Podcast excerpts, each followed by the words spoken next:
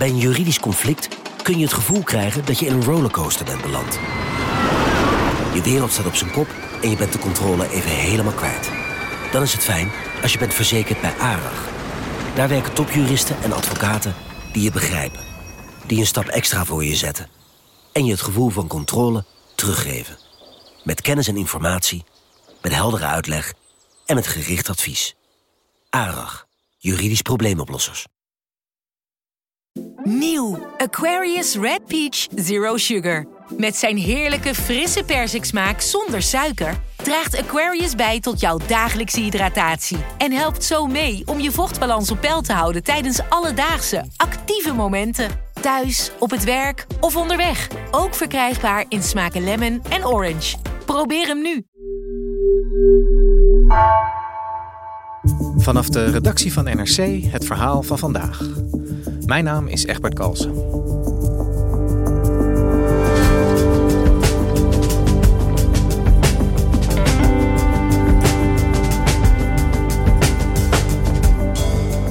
Met de feestdagen voor de deur zitten de concertzalen bomvol. Elk jaar weer laten duizenden mensen zich meevoeren op de klanken van Bach, Hendel en Mahler. Redacteur klassieke muziek Misha Spel zocht uit hoe het komt dat we juist naar die componisten luisteren. Waarom zijn juist hun stukken kerstklassiekers geworden?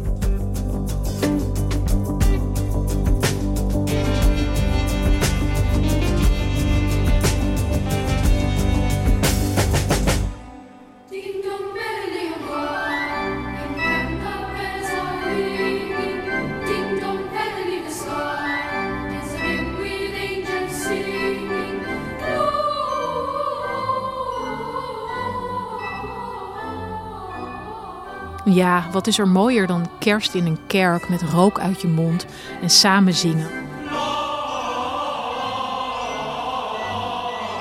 Als ik dit hoor, moet ik altijd terugdenken aan een van mijn eigen vroegste muzikale kerstherinneringen, namelijk dat ik met een kinderkoor kerstcarols mocht zingen in de Engelse kerk op het Begijnhof in Amsterdam. En hoe prachtig ik het vond om al die liedjes daar te leren kennen. Ding Dong Marilyn High, maar ook van die andere evergreens zoals God Rest You Merry Gentleman. En komt alle tezamen en nou ja, het hele repertoire aan carols. Wat we hier net hoorden was een fragment van het eh, King's College uit Cambridge, gesticht in de 15e eeuw. En een van die instituten van de Britse koortraditie, waar we hier in Nederland altijd een beetje jaloers op zijn. op kerstavond, of ik moet eigenlijk zeggen kerstmiddag, voeren ze daar jaarlijks een reeks van carols uit, lessons en carols, waarin het kerstverhaal wordt verteld en waarin het jongenskoor dan het hele repertoire ten gehore brengt.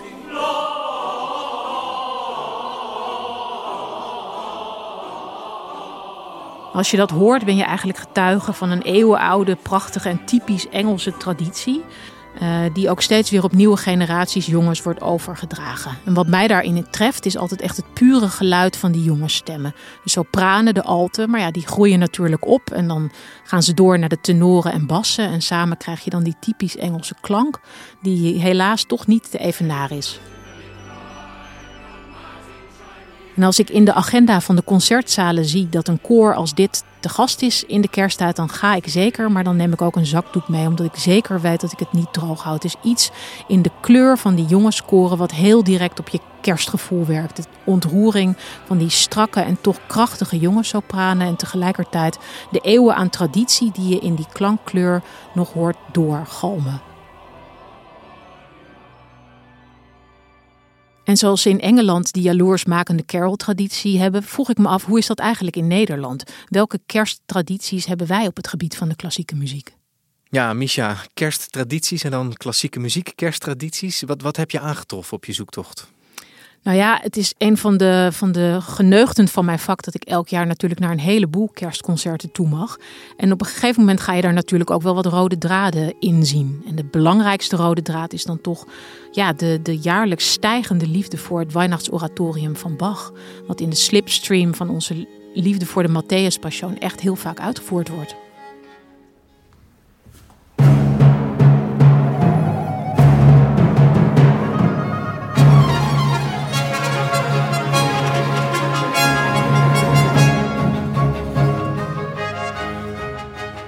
Wat we hier horen is het openingskoor het vrolijket uit het Weihnachtsoratorium van Bach.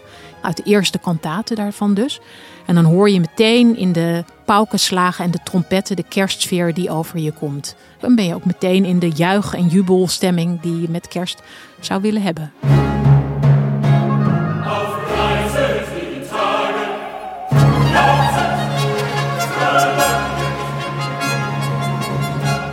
Dit was een uitvoering door het Nederlands Kamerkoor met Lit Talent Lyriek onder leiding van Christophe Rouzet. En die heb ik gehoord in Tivoli Vredenburg, dus in een gewone concertzaal. Maar ik ben ook naar de Nederlandse Bachvereniging geweest en die heb ik gehoord in de grote kerk in Naarden. Die uitvoering van het Nederlands Kamerkoor was echt subliem. Was heel snel. Dat maakt het wel misschien iets moeilijker om in een gewijde stemming te komen. Maar hij was echt heel goed met geweldige zangers. Maar ja, je zit in een keurige, warme, uh, helder verlichte concertzaal. En dat mist toch de, de rook uit je mond en de glühweingeur en ja, de, de, de dennentakjes en het klokkengebeier wat je in een kerk vaak wel hebt. Bij de Bachvereniging was het letterlijk zo dat na een aria precies op het goede moment de kerkklok ging bijeren en dan komt toch het kerstgevoel wel over je. Meer dan in een concertzaal ooit het geval is.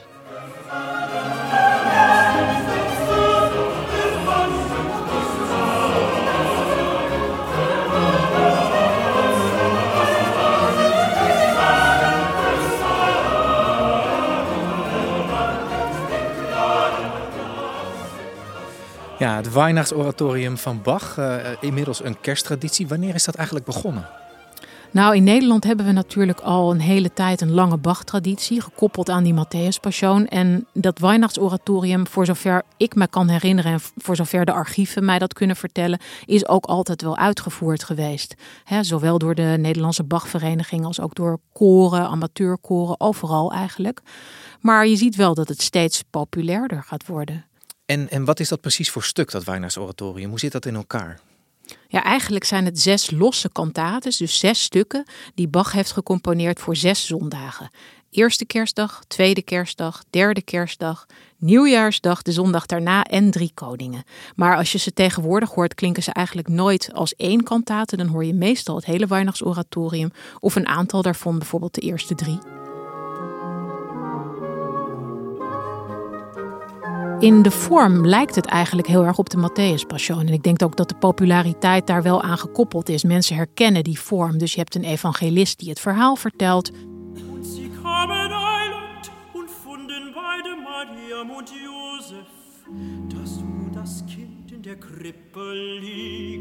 Je hebt de koren waarin dingen gebeuren die heel virtuoos zijn. En je hebt aria's waarin een abstracte bystander, soms is het Maria, maar ook heel vaak is het niet duidelijk, als het ware reflecteert op wat er gebeurt in de handeling. Er zitten ook hele intieme, prachtige aria's in die veel meer vanuit een soort verstilling zijn gecomponeerd.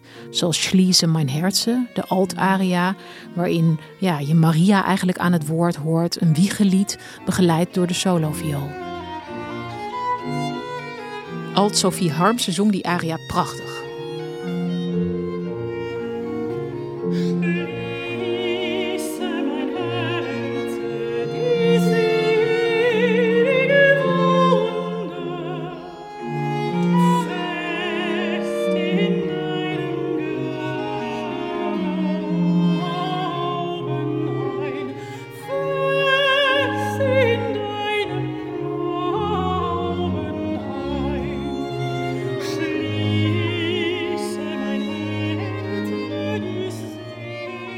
En ik vind dit altijd een interessante aria, omdat het eigenlijk het equivalent is van de beroemde aria Erbarme die uit de Matthäus Passion. Maar hier heb je dan Mijn hart bergt dit gezegende wonder. Dus dit is eigenlijk de Maria-aria die nou ja, zich hier ontfermt over het kindeke, maar met net zo'n prachtige rol voor de soloviool.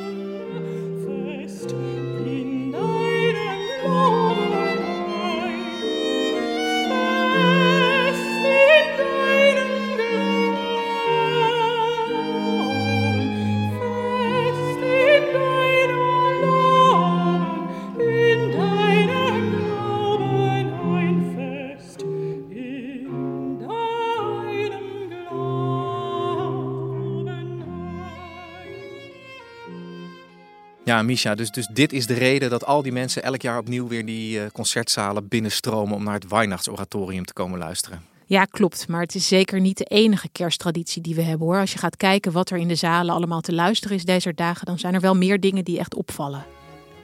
Een andere kerstfavoriet is natuurlijk de Messiah van Hendel, het beroemde oratorium over het leven van Christus.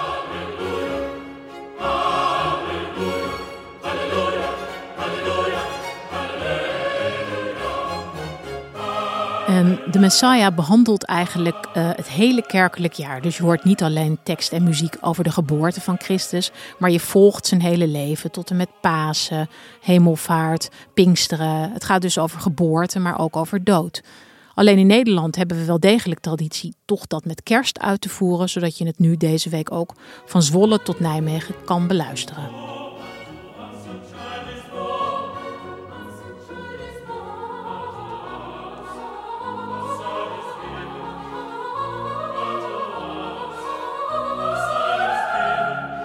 Dit was For Unto Us a Child is Born, A Son is Given. Een stukje wat we heel erg met kerst associëren. Hier in een uitvoering door die English Concert onder leider van Trevor Pinnock. Lekker levendige uitvoering wat mij betreft. Maar je ziet heel erg dat die Messiah een eigen traditie heeft die heel erg ja, regio-afhankelijk is. En we luisteren hier in Nederland, maar ook in de Verenigde Staten bijvoorbeeld heel graag naar de Messiah met kerst. Maar in het Verenigd Koninkrijk bijvoorbeeld hebben ze een heel eigen traditie en voeren ze het vooral op Goede Vrijdag op. En gaan ze bij dat Alleluia koor allemaal staan, naar verluid omdat King George II dat bij de première heeft gedaan. Niemand die het helemaal zeker weet, maar het is in ieder geval een nadrukkelijke traditie. Ik heb wel eens meegemaakt dat in Nederland ook iemand ging staan tijdens dat Alleluia koor. Ja. Dus je hebt aan de ene kant zeg maar een klassiek, echt een klassiek kerststuk zoals het Weihnachtsoratorium van Bach. Uh, nou, we hebben net de Messiah van Hendel hebben we behandeld. Dat is een stuk wat wij met kerst luisteren, maar wat je eigenlijk door het hele jaar heen zou kunnen luisteren. Een Nederlandse en Amerikaanse kersttraditie, maar multifunctioneel in wezen. Ja. ja. En, en zijn er nou ook nog stukken die wij heel erg met kerst associëren, maar die daar eigenlijk helemaal niks mee te maken hebben? Ja, dat is het grappige. Je hebt natuurlijk alle sprookjesballetten van Tchaikovsky waarvoor dat geldt. Maar de meest prominente traditie, die volgens mij echt typisch Nederlands is, is onze kerstmaler-traditie. Die werkelijk eigenlijk helemaal nergens op slaat.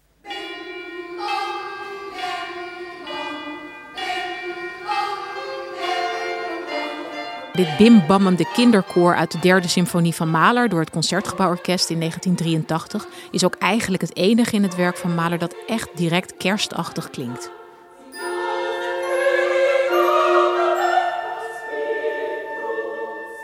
En, waarom luisteren we in Nederland dan zo graag naar Mahler met kerst? Nou, het eerste wat je daarover kunt zeggen is natuurlijk dat Nederland een echt Malerland is. He, Mahler heeft zijn eigen symfonieën hier bij het Concertgebouworkest gedirigeerd. Daarmee is een hele duidelijke band ontstaan. En het was Bernard Haitink, die als chef-dirigent van het Concertgebouworkest op een gegeven moment die link met kerst heeft gelegd. Door vanaf 1977 in de Eurovisie matinee heette dat, uh, de symfonieën van Mahler te gaan uitvoeren. Dat begon dus in 1977 met de eerste symfonie van Mahler. En toen in de jaren 80, toen ik zelf klein was, ik herinner ze me ook nog wel echt, toen deed hij er jaarlijks één tot 1987. Ehm, en op dat moment is dus eigenlijk die kerstmaler-associatie ontstaan. Generaties hebben dat gezien op tv. En iemand als Jaap van Zweden heeft natuurlijk al die matinees gespeeld. Want hij was toen concertmeester. Ofwel de eerste violist. Dus hij zat echt met zijn gezicht heel dicht op Haitink. En hoe hij toen al die malers heeft gedirigeerd. En toen hij later zelf dirigent werd, heeft hij een eigen kerstmalertraditie opnieuw willen opzetten. En, en dat is ook iets wat in het hele land nog gedaan wordt met kerst, die, malers uitgevoerd. Ja, daarmee heeft hij weer een trend gezet volgens mij. Want als je nu kijkt, doet het uh, Noord-Nederlands Orkest met Anthony Hermes, doet maler. Fion doet maler met Klaus-Peter Floor. Um, het Concertgebouworkest doet ook weer maler hè, op de kerstmatinee, die ook op televisie te zien is. Dus het is echt een hele krachtige traditie.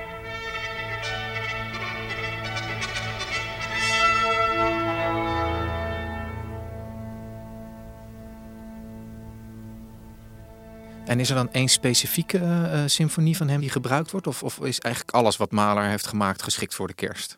Eigenlijk is alles wat Mahler heeft gemaakt niet geschikt voor de kerst. In wezen heeft Mahler niks met kerst te maken. En je ziet ook dat bijvoorbeeld de vijfde symfonie die het Concertgebouworkest dit jaar doet... en die ook eerder klonk in 1986 op die al besproken Eurovisie kerstmatinee... het Adagietto bijvoorbeeld daaruit is ontzettend beroemd.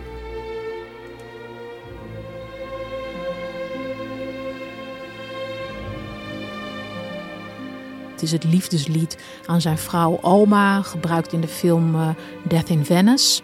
Maar met kerst heeft het echt niets te maken, hooguit met liefde.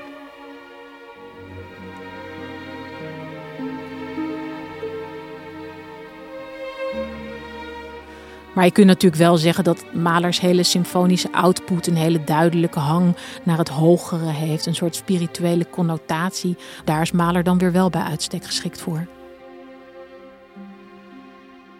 En heb jij ook een, ook een persoonlijke band met die, met die kersttraditie van Mahler? Nou ja, die van Haitink heb ik, herinner ik me dat ik die gehoord heb. En die van Van Zweden was ik natuurlijk al ouder. En het leuke is dat ik zelf heb mogen meezingen in zijn eerste kerstmaler bij het Orkest van het Oosten. Toen was hij dus een beginnend dirigent.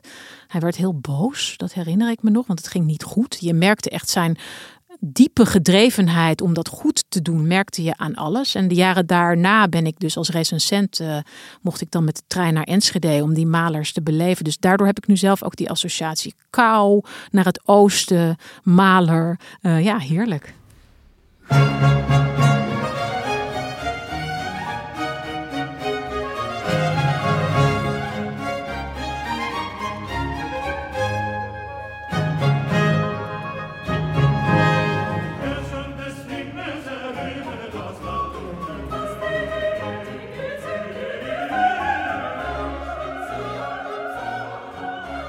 Micha, je zei het al, uh, blijkbaar hebben we behoefte aan, uh, ja, aan emotie, aan, aan, aan verdieping hè, met de kerst. Uh, wat, wat maakt nou zeg maar, dat, dat die stukken muziek daar zo goed in passen, dat dat kersttradities worden? Nou, vooral de vreugde, denk ik ook. Hè. De kerst is natuurlijk echt een, een feest van vreugde en van zingen. En ik denk dat daar ook wel een soort, soort sleutel ligt. Als je kijkt naar wat we horen, zo'n Weihnachtsoratorium is een vreugdevol stuk met een groot aandeel voor koor. Een soort afwisseling tussen de vreugde van kerstfeest en een soort introspectie. Hetzelfde geldt voor de Messiah. Hetzelfde zou je in zekere zin ook kunnen zeggen voor die Mahler-traditie. In veel van Mahler symfonieën zit wel een symfonisch en een korisch aandeel. In de vijfde dan weer niet. Maar goed, ook daar heb je dan in ieder geval nog wel die afwisseling tussen het hogere en het aardse, tussen vreugde en introspectie. Ik denk dat je toch vooral op zoek bent naar muziek die je ja, op een bepaalde manier aan het nadenken zet, die een soort uh, reflectie biedt die wat hoger gaat dan het alledaagse. En als jij nou een, een nieuwe Nederlandse klassieke kersttraditie zou mogen toevoegen, wat zou jij dan kiezen? Als ik het echt voor het zeggen zou hebben, dan zou ik heel graag willen dat het samen zingen weer meer centraal komt te staan, ook buiten de kerken. Ik mis dat wel echt het samen zingen van al die kerstliedjes die zo prachtig zijn. Die we aan het begin hoorden en die natuurlijk enorm uh, populair zijn. Hè, van, van Sinatra tot Nat King Cole. Ja, ik vraag me af als Nat King Cole Hark the Herald's Angels zong. Of die zich dan bewust is dat het Mendelssohn is. Dus die klassieke traditie heeft wel degelijk ook heel veel hele brede navolging gevonden. En ik zou zelf wensen dat je dat meer kunt doen. Dat, dat jij en ik hier in het NRC kerstkoor zingen. Dat we op de basisschool van mijn kinderen hadden we een kerstkoor. Wat ontzettend leuk en nou ja, vreselijk woord. Maar verbindend was om dat bij een knappend haardvuur te doen. Dus ik zou willen dat dat weer meer centraal komt te staan. Dat het Concertgebouworkest de Amazing Matinee organiseert. Zingend op weg naar de kerstdis. Ja, heel graag. Dankjewel Misha. Heel graag gedaan.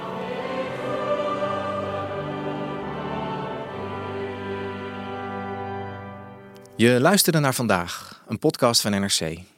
Eén verhaal, elke dag. Deze aflevering werd gemaakt door Ignaat Schoot, Jair Stijn en Jennifer Patterson. Coördinatie Henk Ruigrok van de Werven. Wil je de muziek uit deze aflevering aan je eigen kerstafspeellijst toevoegen? Kijk dan in onze show notes. Daar vind je ook een linkje naar de opname van Bachs Weihnachtsoratorium door het Nederlands Kamerkoor en Le Talent Lyrique onder leiding van Christophe Rousset. Daarvan hoorde je delen in deze aflevering. En het werd afgelopen week ook live uitgezonden door de NTR op NPO Radio 4. Dit was vandaag. Fijne kerstdagen gewenst en dinsdag zijn we er weer. Komende week, tijdens de kerstvakantie, presenteren onze redactiechefs hun favoriete aflevering van afgelopen jaar. Vanaf 2 januari is vandaag weer terug met nieuwe afleveringen.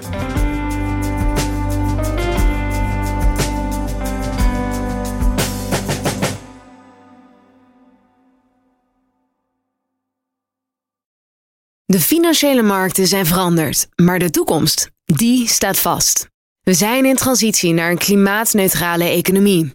Dit biedt een van de grootste investeringskansen van onze generatie. Een kans voor u om mee te groeien met de pioniers van morgen. Meer weten? Ga naar carbonequity.com. Carbon Equity. Do good by investing better.